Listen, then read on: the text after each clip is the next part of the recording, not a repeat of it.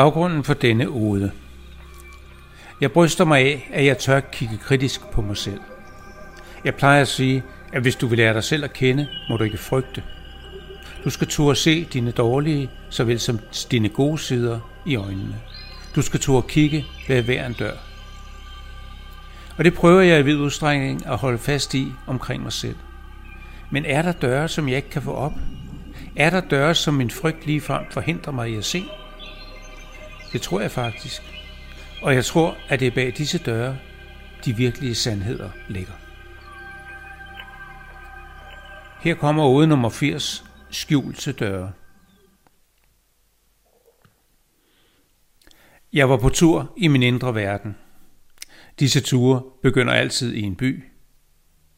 Jeg ved ikke, hvor stor den er, om den har et navn, eller om det er den eneste by i denne her verden. Jeg har ikke set andre. Og jeg kender ikke dens geografi, altså gader, pladser og stræder. Men jeg er da ikke faret vild endnu. Til gengæld husker jeg byens stemning. Mest kedelig og grå. Lidt misligeholdt og mennesketom. Aldrig nogen, der vinker fra et vindue eller kommer ud for at sige hej til en rejsende. Det er anderledes, når jeg kommer ud af byen. Ude på landet vrimler det med liv. Ikke mennesker, men dyr. Fra de mindste insekter og fugle til lidt større dyr, en kanin, en rev eller en kat, som jeg engang imellem fanger et glimt af. Men i dag skulle jeg ikke ud på landet. Jeg var på jagt efter et hus med mange døre. Det var alt, hvad jeg vidste. Og jeg var sikker på, at jeg ville genkende det, når jeg så det. Jeg havde på fornemmelsen, at huset bar fortællinger om mig selv. Ikke så meget de mere ligefremme ting, som jeg resonerer mig frem til på mine ture i skoven og på stranden. Næh, jeg tænkte, huset gemte nogle erkendelser, som jeg ikke kunne finde andre steder. Erkendelser, som jeg måske ikke engang ville se, hvis jeg stod lige foran dem. Men jeg vidste også, at jeg var nået til et punkt, hvor jeg blev nødt til at prøve. Og derfor var jeg draget afsted denne mandag morgen, den sidste dag i påsken. Det lå lidt trukket tilbage fra gaden. Et lille hus med første sal, klemt inde imellem etageboliger. Gråt i gråt, ganske som jeg havde set det i tankerne. Skodder fra vinduerne i stueetagen og halvt trukkede gardiner på første salen. Døren bandt, men den var ikke låst. Jeg var begyndt med at banke på, fordi jeg ikke kunne finde klokken. Men da der ikke blev svaret og ikke lød tegn på liv indefra, vågede jeg at skubbe døren op. Det første, der mødte mig, var lugten. Han lugtede som på frilandsmuseerne. Gamle dage lugter bare anderledes. Ikke ubehageligt, nærmere sådan lidt bortgemt, men også autentisk. Jeg kom direkte ind i en lang gang. Huset var ikke bredt, men det var åbenbart ganske dybt. Jeg fik en klar fornemmelse af hjem. Mit hjem. Og jeg vidste, at jeg havde ikke været der før, men jeg var samtidig sikker på, at huset var mit. Eller måske familiens. Jeg var ikke gået forkert. Jeg stod stille et øjeblik, lyttede og prøve at fornemme andre eksistenser. Ingenting. Huset føltes fuldstændig tomt. Jeg gik tøvende ned ad gangen, forbi flere døre, regnede med, at jeg ville mærke, når en dør skulle åbnes og indholdet undersøges. Pludselig mærkede jeg, at jeg skulle stoppe. Jeg stussede. Her var ingen dør. Jeg mærkede på væggen til den ene side. Ingen dør. Bare eftergivende gammel tapet, sikkert sat op på en blød masonitplade. Jeg drejede mig og skulle til at mærke på den anden væg, men der hang blot et gammelt, ovalt spejl. Nu er det jo sådan med spejle, at der er kun én ting, man forventer at se i et spejl. Sig selv. Så jeg rykkede et halvt skridt væk af forbløffelse, da jeg så en anspændt, lidt nervøs ældre herre kigge tilbage på mig. Ja, beskrivelsen kunne for så vidt godt passe på mig. Men det var ikke mig, selvom det lignede. Min forbløffelse holdt dog ikke længe. Skuldrene faldt ned igen, og jeg kunne ikke lade være med at smile. Marcel, mit alter ego. Hej gamle ven. Han smilede lidt skæmsk og drillende tilbage til mig, og nikkede i en retning hen over min ene skulder. Jeg vendte mig og så kun den bare væg. Jeg kiggede tilbage i spejlet, og bag mig selv så jeg nu en dør. Der måtte altså være en dør bag mig. Men der var jo ikke noget. Ikke andet end en blød væg. Jeg drejede mig, men igen kun den bløde væg. Marcel kiggede nu mere intenst på mig. Han ville sige noget, han mig til at handle. Og jeg forstod pludselig hvad. Jeg fastholdt Marcels blik i spejlet, mens jeg bakkede mod den modsatte væg, famlede med hænderne bag mig, og pludselig fik min ene hånd fat i et dørhåndtag. Jeg stivnede. Der var jo ikke nogen dør. Eller rettere, der skulle jo ikke være en dør. Jeg havde lige tjekket. Men til min store forbavelse så jeg nu, at døren i spejlet bag mig selv åbnede sig, da jeg trykkede håndtaget ned. Jeg vidste straks, at det her var en anden verden. Lugten var anderledes, af nyere dato end ude i gangen. Der var et stort værelse, et drengeværelse, tror jeg. Lyset vældede ind af et vindue i den modsatte væg. Der var en seng, sådan en skibsbrikstype med skuffe. En reol og et langt rødeligt skrivebord med nogle små hjemmebyggede skibsmodeller. Han var varmt og venligt, og jeg stivnede, og kuldegysninger løb mig ned ad ryggen. I den fjerne ende af skrivebordet sad en dreng. Han havde ryggen til mig og var travlt optaget af at skrive eller tegne i en grøn stilebog.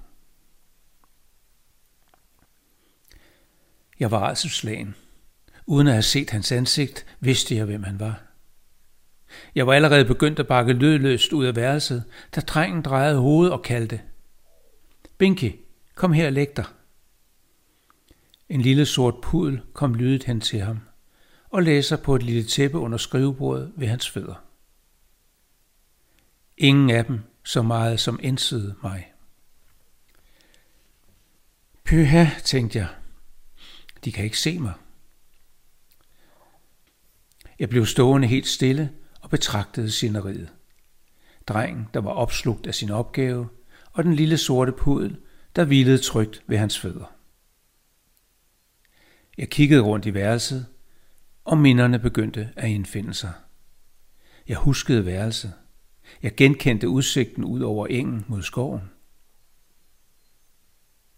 Mit blik stoppede ved en cirka 30 cm model af en slæbebåd på bordet. Også den huskede jeg nu. Jeg havde limet den sammen af hundredvis af små plastikdele, og bagefter havde jeg malet den. Sort, hvid, grøn og rød. Den var flot. På reolen lå der et 50 cm langt bambusrør. Det var flækket på den lange led, og indeni skimtede jeg et glasrør. Timeglasset, tænkte jeg straks. Far og jeg lavede timeglas sammen. Og mens jeg lå blikket strejfe rundt i værelset, fyldte minderne årene ud. Vi boede i dette hus, da jeg var 14 år gammel. Vi var flyttet ud af byen, langt herud på landet, fordi far skiftede job. Jeg tror, det var min søster og mig, der mødte de største udfordringer. Storbybørn blandt bønderbørn. Men det gik faktisk meget godt. Far og mor havde lært os at møde andre med et åbent sind, og der var ikke blevet pyldret mere om os, end godt var. Jeg var langt væk i minderne, da jeg hørte en stemme nedefra. Så er der mad! Det er mor, tænkte jeg, og mærkede straks længslen efter denne tid. Drengen ved bordet, der var mig, rejste sig og råbte, Kommer nu! Han kastede et sidste blik på det, han havde arbejdet med i stilebogen. Så lukkede han den og skubbede den om bag reolen, hvor den forsvandt. Kom, Binky, kaldte han. Så er der mamse. Og så forsvandt han og pudlen ud af døren. Jeg stod lidt og sundede mig. Hvad sker der her? Tænkte jeg. Jeg måtte se, hvad det var, han havde været så optaget af. Jeg gik hen til reolen og fiskede med lidt dårlig samvittighed stilehæftet frem fra det skemmested. Jeg satte mig ved skrivebordet og begyndte at bladre. Hæftet indeholdt en blanding af tegninger og ord, korte tekster. De fleste af tegningerne forestillede træer, eller retter noget, der lignede træer, men det så meget fremmedartet ud. Træerne var ikke brune og grønne, men alle mulige mærkelige farver. Der var også tegninger, som jeg med min bedste vilje ikke kunne se, hvad skulle forestille. Indimellem stod der nogle ord eller korte sætninger. For eksempel vandringsmand. Eller hvad laver jeg på den planet? Eller missionen. Er der en mission? Jeg bladrede videre, og lidt over midten af bogen stoppede jeg chokeret. På tværs over to sider var der en tegning af to planeter i et sort univers. Nedunder stod der med store håndskrevne bogstaver. Jeg er den rejsende. Det svimlede for mig, og jeg greb om bordkanten, som om jeg frygtede, at kontorstolen skulle køre sted med mig.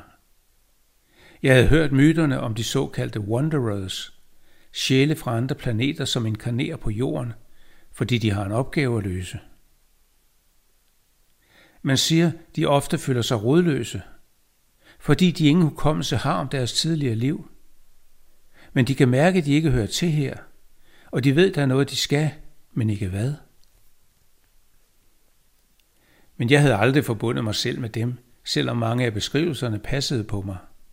Og selvom jeg aldrig havde følt mig rigtig hjemme på denne planet.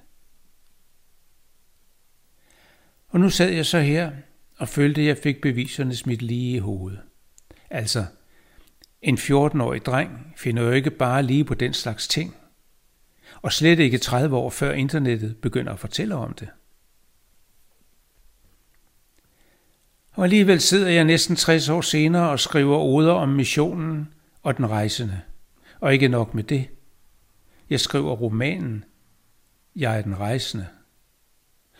Og på intet tidspunkt husker jeg noget om et grønt stilhæfte eller tænker en eneste bevidst tanke om en teenage-drengs længsler og tegninger. Jeg sidder et stykke tid og prøver at komme mig. Jeg hører lyde fra andre steder i huset og tænker, jeg må nok hellere se at komme tilbage hjem igen. Jeg lægger forsigtigt stilehæftet tilbage bag reolen og vender mig mod døren. Døren. Jeg drejer mig. Igen og igen. Der er ingen dør. Panikken skyller ind over mig, men forsvinder hurtigt igen. Roen falder på mig. Jeg smiler lidt og tænker. Alting er præcis, som det skal være. Jeg går hen til vinduet, kigger lidt ud så sætter jeg mig i en gammel lænestol og kigger ud på engen. Jeg er helt rolig indeni. Kigger på træerne, der omkranser haven. Ud over engen mod skoven. Træerne begynder at ændre sig lidt, tænker jeg. De skifter farve og virker fremmedartede, som mine gamle tegninger i stilehæftet og snart lyser alt med den rødviolette farve, der kendetegner en planet, der har en lille rød dværg som sol. Jeg trækker vejret langsommere og langsommere. Så trækker jeg vejret dybt ind. Og mens jeg ånder ud for sidste gang, fyldes mine tanker af ordene. Hjemme igen.